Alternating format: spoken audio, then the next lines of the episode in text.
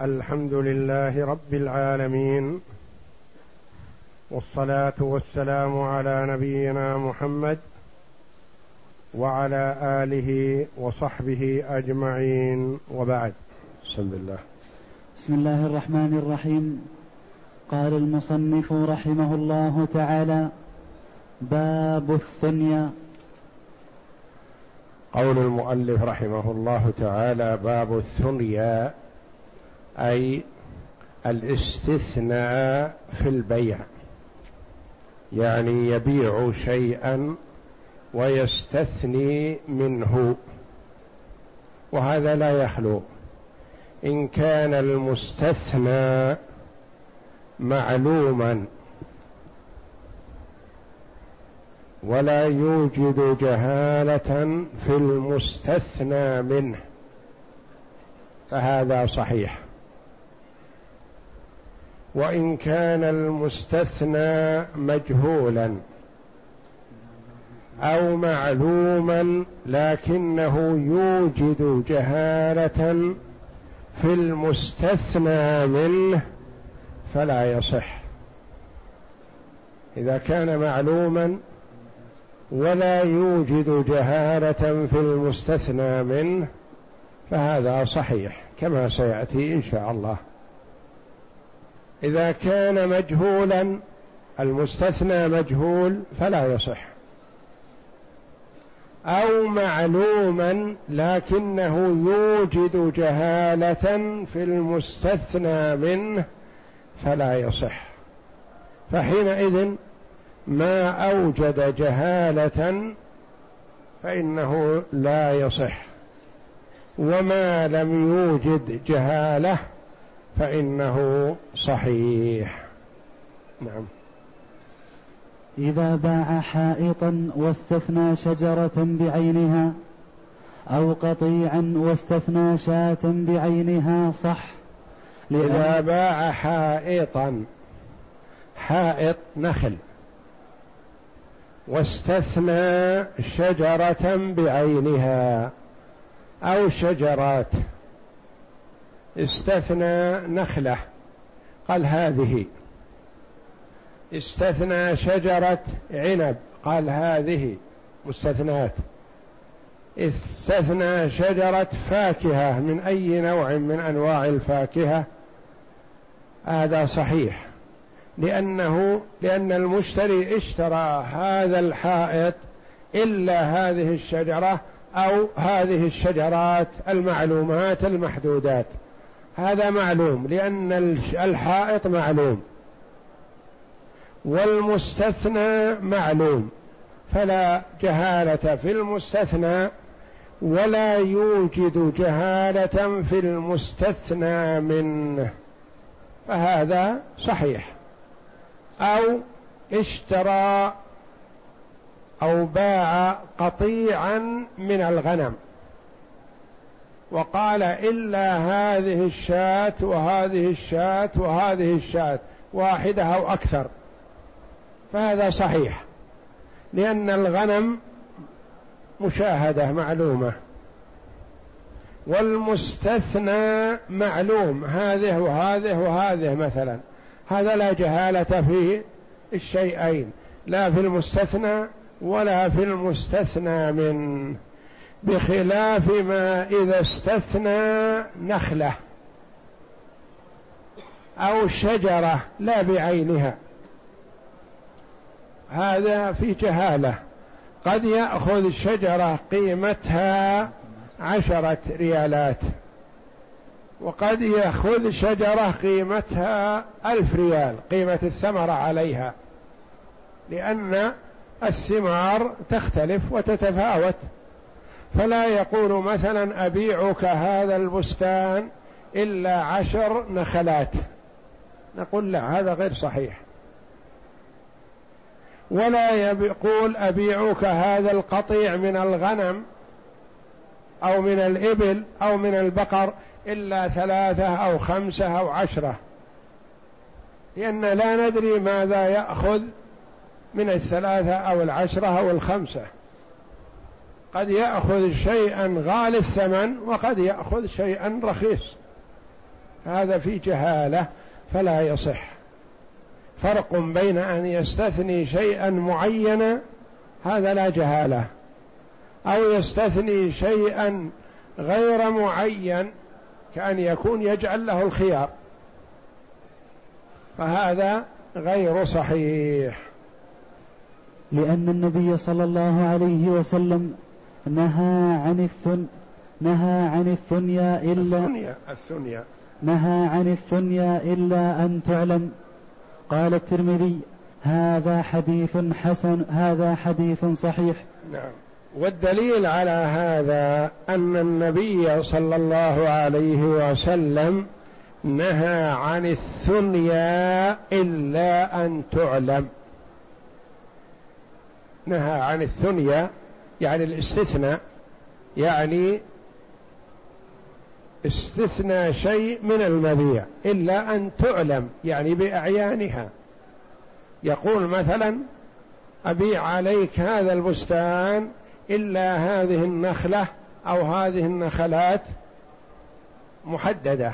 هذه معلومة. أبيع عليك هذا البستان بكذا إلا نخلة واحدة. نقول هذه الثنيا غير معلومة. ما هي هذه النخلة الواحدة؟ فيه نخلة بمئة وفيه نخلة بخمسة آلاف. فما يصح ألا أن تستثني شيئا معليا. نهى عن الثنيا إلا أن تعلم. والنبي صلى الله عليه وسلم بين لنا أحكام بيعنا وشرائنا كما بين لنا صلى الله عليه وسلم أحكام صلاتنا وزكاتنا. فالمسلم يتعبد ربه بالزكاة والصيام والصلاة والحج كذلك يتعبد ربه جل وعلا بالبيع والشراء لأن من البائعين والمشترين من هو محارب لله ورسوله. من من البائعين والمشترين من هو غاش مخادع. فلا يرضى الله جل وعلا عنه ولا عن فعله. وقد يكون عمل هذا سبب لرد صلاته. وصيامه وزكاته وحجه. يكون كسبه حرام فترد عليه صلاته. إن الرجل لا يقذف في جوفه اللقمة من الحرام لا تقبل له صلاة أربعين يوما. لقمة من الحرام يقذفها في جوفه من بيع غير صحيح أو من بيع فيه ربا. والمرابي محارب لله ورسوله. وممحوق الكسب لا فائدة ولا بركة في كسبه.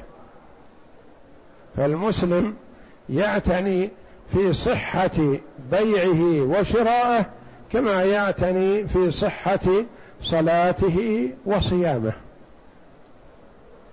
التاجر الأمين مع النبيين والصديقين والشهداء والصالحين.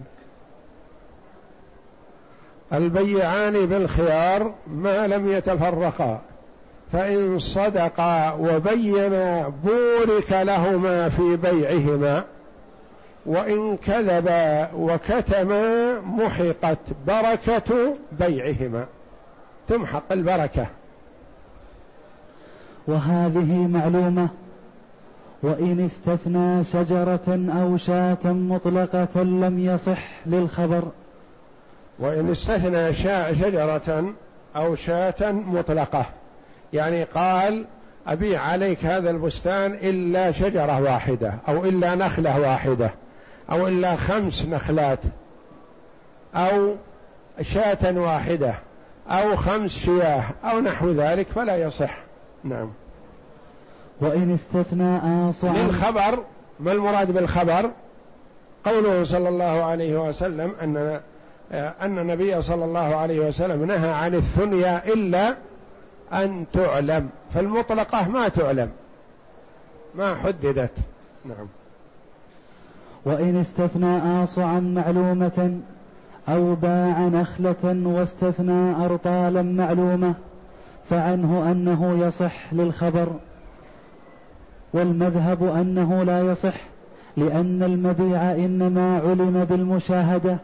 والاستثناء يغير حكم المشاهدة فإنه لا يدري كم يبقى في حكم المشاهدة. وإن استثنى آصعا معلومة. استثنى آصع معلومة. قال أبيعك مثلا هذا السنبل اللي تراه في هذه الأرض الواسعة. إلا مئة صاع. أنا أريدها لنفسي. مئة صاع. أو قال أبيعك هذه الصبرة من الحب. إلا خمسين صاع. هذا يقول فعنه أنه يصح عن الإمام أحمد رحمه الله أنه يصح هذا لأن المستثنى معلوم. مئة صاع أو خمسين صاع أو أقل أو أكثر. والمذهب يعني قول آخر وهو المعتمد في المذهب أن هذا لا يصح. أن هذا لا يصح. لما؟ مع أن الآصع معلومة. لأنه قد يوجد جهالة في المستثنى منه. في المستثنى منه كما قدمت. يوجد جهالة في المستثنى منه. المستثنى منه معلوم الآن. لكن إذا استثني منه خمسين صاع صار مجهول ما يدرى وش يبقى. فمثلا قال أبيعك هذه الصبرة. هذه الصبرة مشاهدة. إلا خمسين صاع. أنا في حاجة إليها. الخمسين الصاع معلومة. لكن هذه الصبرة إذا أخذنا منها خمسين صاع ما ندري كم يبقى. ربما لا يبقى إلا عشرة أصع أو يبقى عشرين صاع. أو يبقى خمسة أصع ما ندري. لأن استثنينا شيء معلوم. لكن هي بعد أخذ هذا المستثنى منها تكون مجهولة. فقد يقول مثلا أبيعك هذه الصبرة يشاهدها كثيرة فيها خير يقول أستثني منها مئة صاع. يأتي الكيال يقول شريت مثلا فيأتي الكيال يكيل مئة صاع. فيكيل منها مئة صاع فما يبقى منها إلا القليل. فهي معلومة قبل أن يستثنى منها لكن لما أخذ المستثنى منه ربما المستثنى ما بقي في المستثنى منه إلا شيء يسير. نعم. ولو باعه الصبرة إلا قفيزا لم يصح لذلك.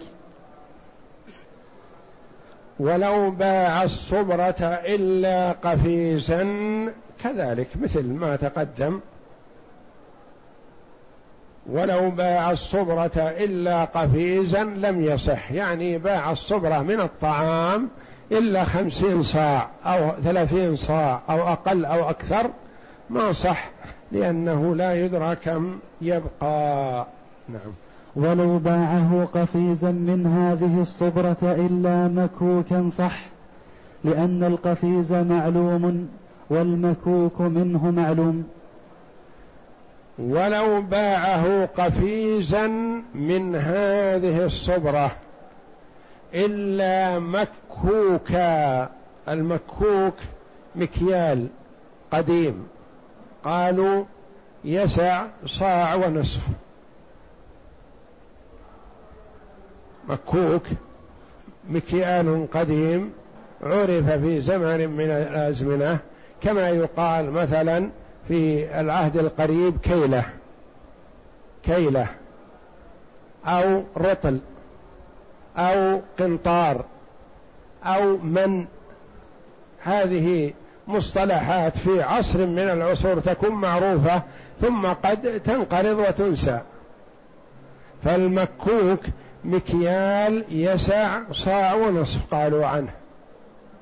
فإذا باعه من هذه الصبرة قفيز إلا مكوك صح. لأن المبيع معلوم وهو القفيز. والمستثنى معلوم وهو استثنى من هذا البيع مثلا من القفيز صاع ونصف. بخلاف ما لو استثنى من الصبرة آصع معينة لا. يكون مجهول لأننا لا ندري ماذا يبقى في الصبرة لكن هو اشترى شيء معلوم. قفيز معلوم عدد أصواعه معلومة عندهم. سيأخذ يستثنى من القفيز صاع ونصف مثلا أو صاعين أو ثلاثة آصع لا بأس. هذا صحيح. نعم. وإن باعه دارا إلا ذراعا وهما يعلمان ذرعانها جاز. وكان مشاعا منها وإلا لم يجز كما لو باعه ذراعا منها. وإن باعه دارا أو أرضا أو مزرعة أو أي عقار إلا ذراعا أو عشرة أذرع. أو مئة ذراع أو ألف ذراع وهما يعلمان ذرعانها يعلمان ذرع هذه المساحة. صح لأنه استثنى معلوما من معلوم. هذه الأرض مثلا ألف متر. قال بيعك هذه الأرض واستثني منها مئة متر. صح. وتكون مشاعة فيها لأن الأرض معلومة أنها ألف متر.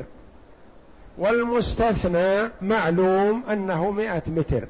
يعني مستثنى من هذه الأرض عشرها. وكان مشاعا منها يعني غير محدد. وإذا حدده في جهة صح. بشرط أن يكونوا يعلمون المساحة. لكن لو قال أبيعك هذه الأرض الذي ترى أو هذه المزرعة مثلا واسعة ما يدرى كم ذرعها إلا أستثني منها ألف متر أريدها سكنا لي. نقول هذا ما يصح. لأنه استثنى معلوما من مجهول. ما يعلم كذا كم ذرع المزرعة حتى يستثني منها ألف أو أقل أو أكثر. أما إذا علم ذرع المبيع وعلم ذرع المستثنى صح. نعم نعم. ولو باعه سمسما إلا كسبة أو قطنا إلا حبة أو شاة إلا شحمها أو فخذها لم يصح. لأنه مجهول فيدخل في الخبر. وإن باعه سمسما إلا كسبه أو قطنا إلا حبه أو شاة إلا شحمها أو تمرا إلا نواه. مثلا أو بطيخا إلا حبه. يعني استثنى من هذا المبيع جزءا منه لا يعلم قدره. فهذا السمسم مثلا قال أبيعك إياه تأخذ زيته والباقي لي ترده علي. أو قال أبيعك هذا السمسم بشرط أن زيته لي ولك الباقي. هذا مجهول. أو قال أبيعك هذا القطن إلا حبه فأنا في حاجة إليه بذر. أو قال أبيعك هذا التمر إلا نواه. أريد نوى التمر هذا علفا لدوابي هذا مجهول ماذا يؤول إليه. قد يكون هذا الحب المستثنى منها القطن هذا أربعين كيلو وقد يكون عشرة كيلو ما يدرى ماذا يخرج. فالمستثنى مجهول مقداره. نعم. وكذلك الشحم مثل شاة. قال أبيعك هذه الشاة. أنت في حاجة إلى اللحم وأنا بحاجة إلى الشحم. فأنا أبيعك الشاة إلا الشحم لي. نقول ما يصح هذا؟ لأنه لا يدرى ماذا يكون الشحم. الشحم مجهول. الشاة حية الآن تمشي. فما يدرى هل يكون شحمها خمسة كيلو أو عشرة كيلو أو عشرين كيلو ما يدرى. فالمستثنى في جهالة. نعم. وإن استثنى حملها فعنه أنه يعني قوله فيدخل في الخبر أي في الحديث. الحديث النهي عن الثنيا إلا أن تعلم. نعم. وإن استثنى حملها فعنه أنه يصح لأن ابن عمر أعتق جارية واستثنى ما في بطنها وعنه لا يصح وهو أصح للخبر. وإن استثنى حملها قال أبيعك هذه الشاة أو هذه البقرة أو هذه الناقة. لكن هي الآن عشرة على وشك الولادة. الحمل لي والمشتري يقول لا حاجة لي أنا في الحمل. أنا أريد الناقة أو البقرة أو الشاة. يقول فعنه عن الإمام أحمد رحمه الله أنه يصح. والصحيح أنه لا يصح لأنه استثنى شيئا مجهولا. فما يدري هذا الحمل ما يطلع على ماذا. أولا من حيث حجمه. لا يدرى هل يطلع عشرة كيلو أو عشرين كيلو أو خمسة كيلو. ثانيا من حيث صحته ومرضه. لا يدرى هل يخرج صحيح أو مريض. ثالثا من, من حيث حياته وموته. لا يدرى هل يخرج حيا أو ميتا. ففيه جهالة. والصحيح أنه لا يصح. واستدل على الصحة. قال لأن ابن عمر أعتق جارية واستثنى ما في بطنها. نقول العتق عمل ابن عمر رضي الله عنه يستدل به لكن العتق يختلف عن البيع لأنه أعطى هذه الجارية لله أعتقها واستثنى حملها سيتولى تربيته ويكون رقيقا له. جارية مملوكة حاملة من رقيق آخر. فحملها رقيق وهي رقيقة. فأعتقها المرأة لكن استثنى الولد الذي في بطنها. قال هذا أريده يبقى لي رقيقا. فهذا صحيح لأنه ليس هناك معاوضة أو جهالة أو غرر أو غبن يغبن أحدهما لا هو أعطى لله واستثنى شيئا ما نعم. فإن باع جارية حاملا بحر وقلنا يصح وقلنا يصح استثناء الحمل صحها هنا. قد تكون جارية رقيقة حاملة بحر. حملها حر وهي رقيقة. كيف صورة هذا؟ نعم. قد يكون رجل حر لا يملك ما يستطيع أن يتزوج حرة ولا يستطيع أن يشتري امه تكون رقيقة له. فجاء إلى زيد وقال له زوجني الأمة التي عندك.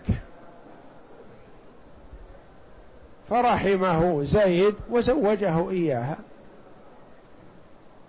واشترط الزوج الفقير على أن أولاده يكونون أحرارا لا تبعا للأم وإلا فالأصل في الأولاد كما تقدم لنا أن الولد يتبع أمه حرية ورقا.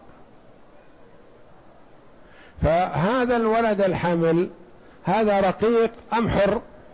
حر لأن أباه حر. فهو حر ومشترط أنه حر لأن هذا الذي تزوج الأمة ما أقدم على زواجها إلا للضرورة والشرط أن أولاده أحرار. ما يريد أن يكون أولاده أرقا فالأمة الحامل بحر. ألا يجوز بيعها كسائر الإمة هي أمة لزيد وزوجها لشخص آخر حر وحملت منه فهي ملكه ملك زيد يتصرف فيها. يجوز أن يبيعها على عمرو. وإذا باعها على عمرو فعمرو يدخل مدخل زيد. ولد هذه الأمة حر. فيجوز بيعها في هذه الحال لأن الرجل له أن يتصرف في ملكه. فإذا قلنا يصح استثناء الحمل فهذه من باب أولى. وإذا قلنا لا يصح استثناء الحمل فهذه صحيحة حتى وإن لم يصح استثناء الحمل. لأنه قد يجوز شرعا ما لا يجوز شرطا. إيش معنى هالكلام ذا؟ يجوز شرعا لأن هذا مستثنى في أصل الشرع. هو حر. جاء اشترى هذه الأمة هذا الرجل وهي حامل بولد جنين حر. فهل يكون هذا الولد رقيق؟ لا. والشرع يتشوف إلى الرق فيسعى لتحرير الرقيق ولا يسعى لاسترقاق الحر. الإسلام ما يحرص ولا يجيز استرقاق الحر وإنما يسعى ويحرص على تحرير الرقيق. والرجل من حقه أن يتصرف في ملكه. فهو باع أمة له حامل بجنين حر تبع أبيه. فهذا صحيح. حتى لو لم يجوز الاستثناء في البيع جاز في هذا لأنه يجوز شرعا ما لا يجوز استثناء. بدليل بيع الأمة المزوجة. بيع الأمة المزوجة. هذا فيها استثناء شرعا لا شرطا. رجل عنده أمة متزوجة من رقيق. عرضت في البيع. فجاء آخر واشتراها. هذا الذي اشترى الأمة أخيرا هل له أن يستمتع منها بشيء مما يستمتع به الرجل من أمته؟ لا لأنها مشغولة في ذمة زوج رقيق ولا يمكن يتعاقب على المرأة رجلان أبدا بحال من الأحوال. فهذا المنفعة والاستمتاع مستثنى في هذه الأمة التي بيعت. ولمن لم يعلم الخيار؟ كيف الخيار؟ مثلا الأمة لزيد وزوجها لرقيق آخر. من حق صاحب الأمة الذي هو زيد أن يبيعها لأنها ملكه. فباعها على عمرو. فعمرو إن كان يعلم أنها متزوجة برقيق آخر واشتراها فلا خيار له ولا يستمتع منها بشيء لأنها في ذمته زوج. وإن كان لا يعلم اشتراها بنية أنه يريدها فراشا له. أما ولا يمكن أن يتعاقب عليها رجلان. فالمشتري إذا لم يعلم أنها متزوجة له الخيار. فإن قبلها على أساس أنها تكون خادمة له وتشتغل وكذا لكن ما يستمتع منها بشيء لأنها في ذمة زوج.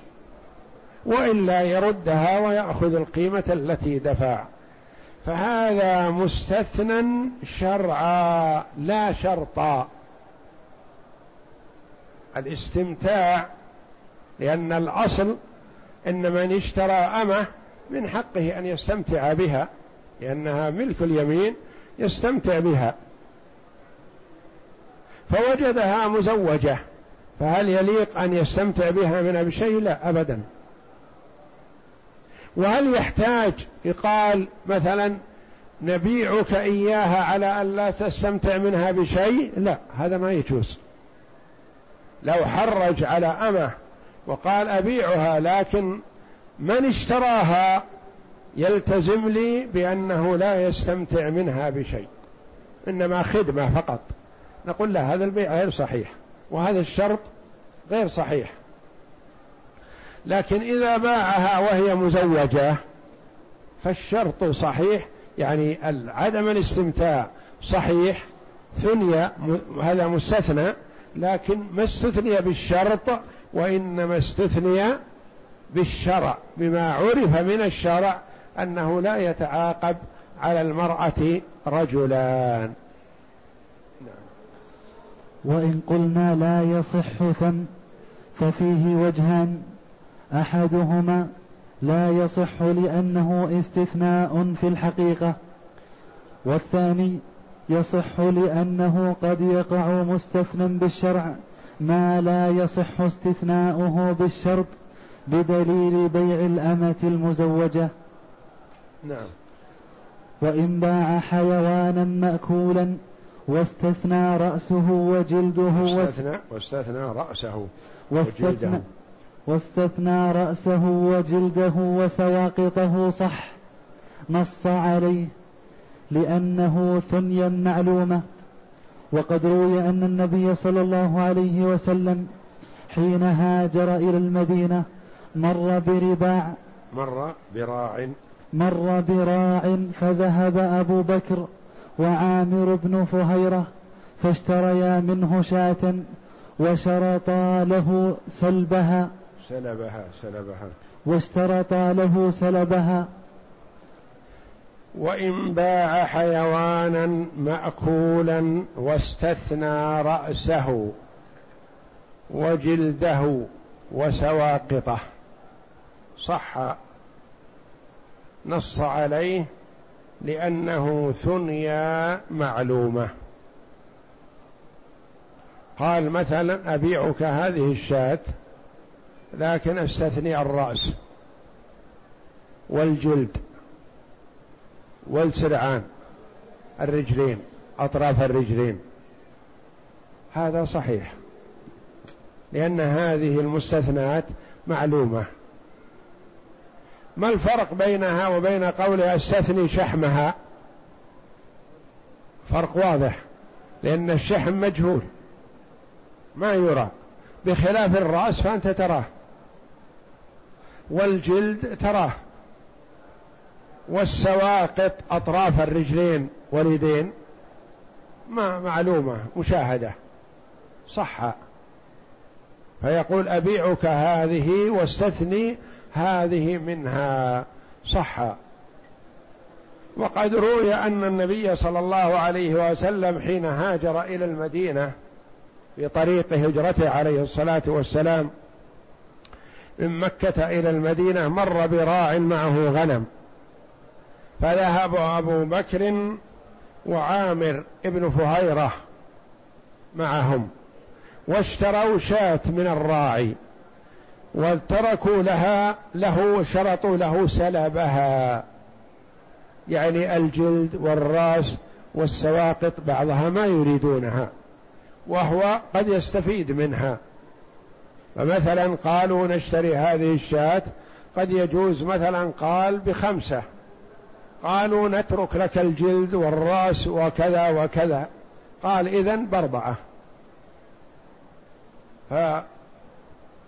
فشرط له سلبها يعني أجزاء منها التي هي الرأس والجلد وأشياء ظاهرة.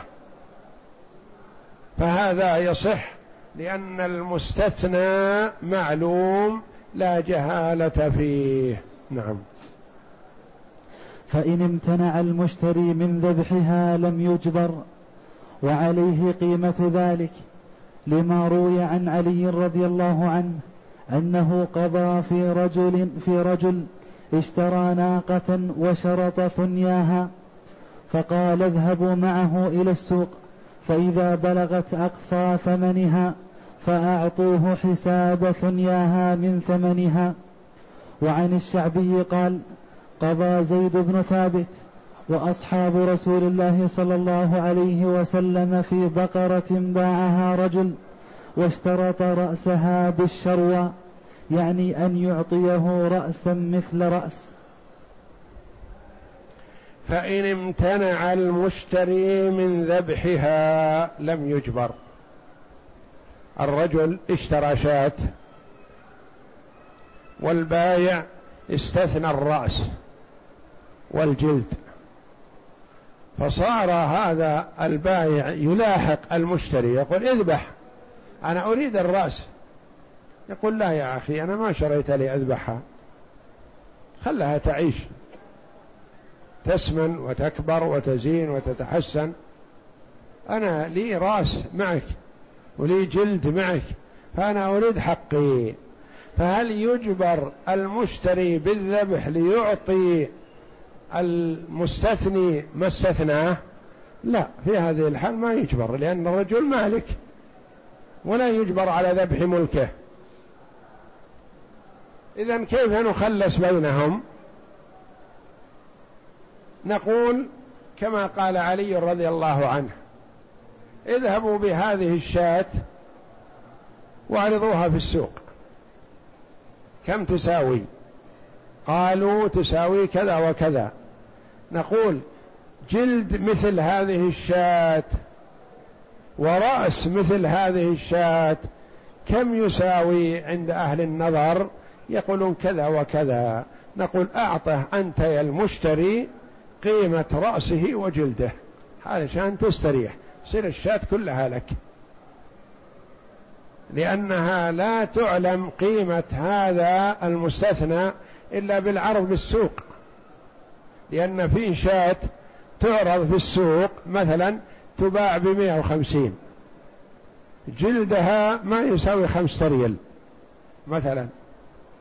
شاة أخرى تعرض في السوق تساوي خمسمائة جلدها يساوي ثلاثين ريال مثلا. شاة أخرى تساوي ألف ريال كبيرة وسمينة تساوي ألف. جلدها كم يساوي؟ ربما يساوي مئة. وهذيك على ثلاثين وعلى خمسة ريال. فالجلد يختلف تختلف قيمته بحسب قيمة الشاة أو البقرة أو البعير. وعليه قيمة ذلك لما روي عن علي رضي الله عنه أنه قضى في رجل اشترى ناقة وشرط ثنياها. رجل اشترى من آخر ناقة وكأن الرجل البايع اشترط شيء استثنى الجلد لأنه يريده له راوية مثلا. فتخاصم إلى علي رضي الله عنه. صاحب الناقة يقول لا أنا ما بذابح. صاحب الثنيا يقول اذبح مشان آخذ جلدي.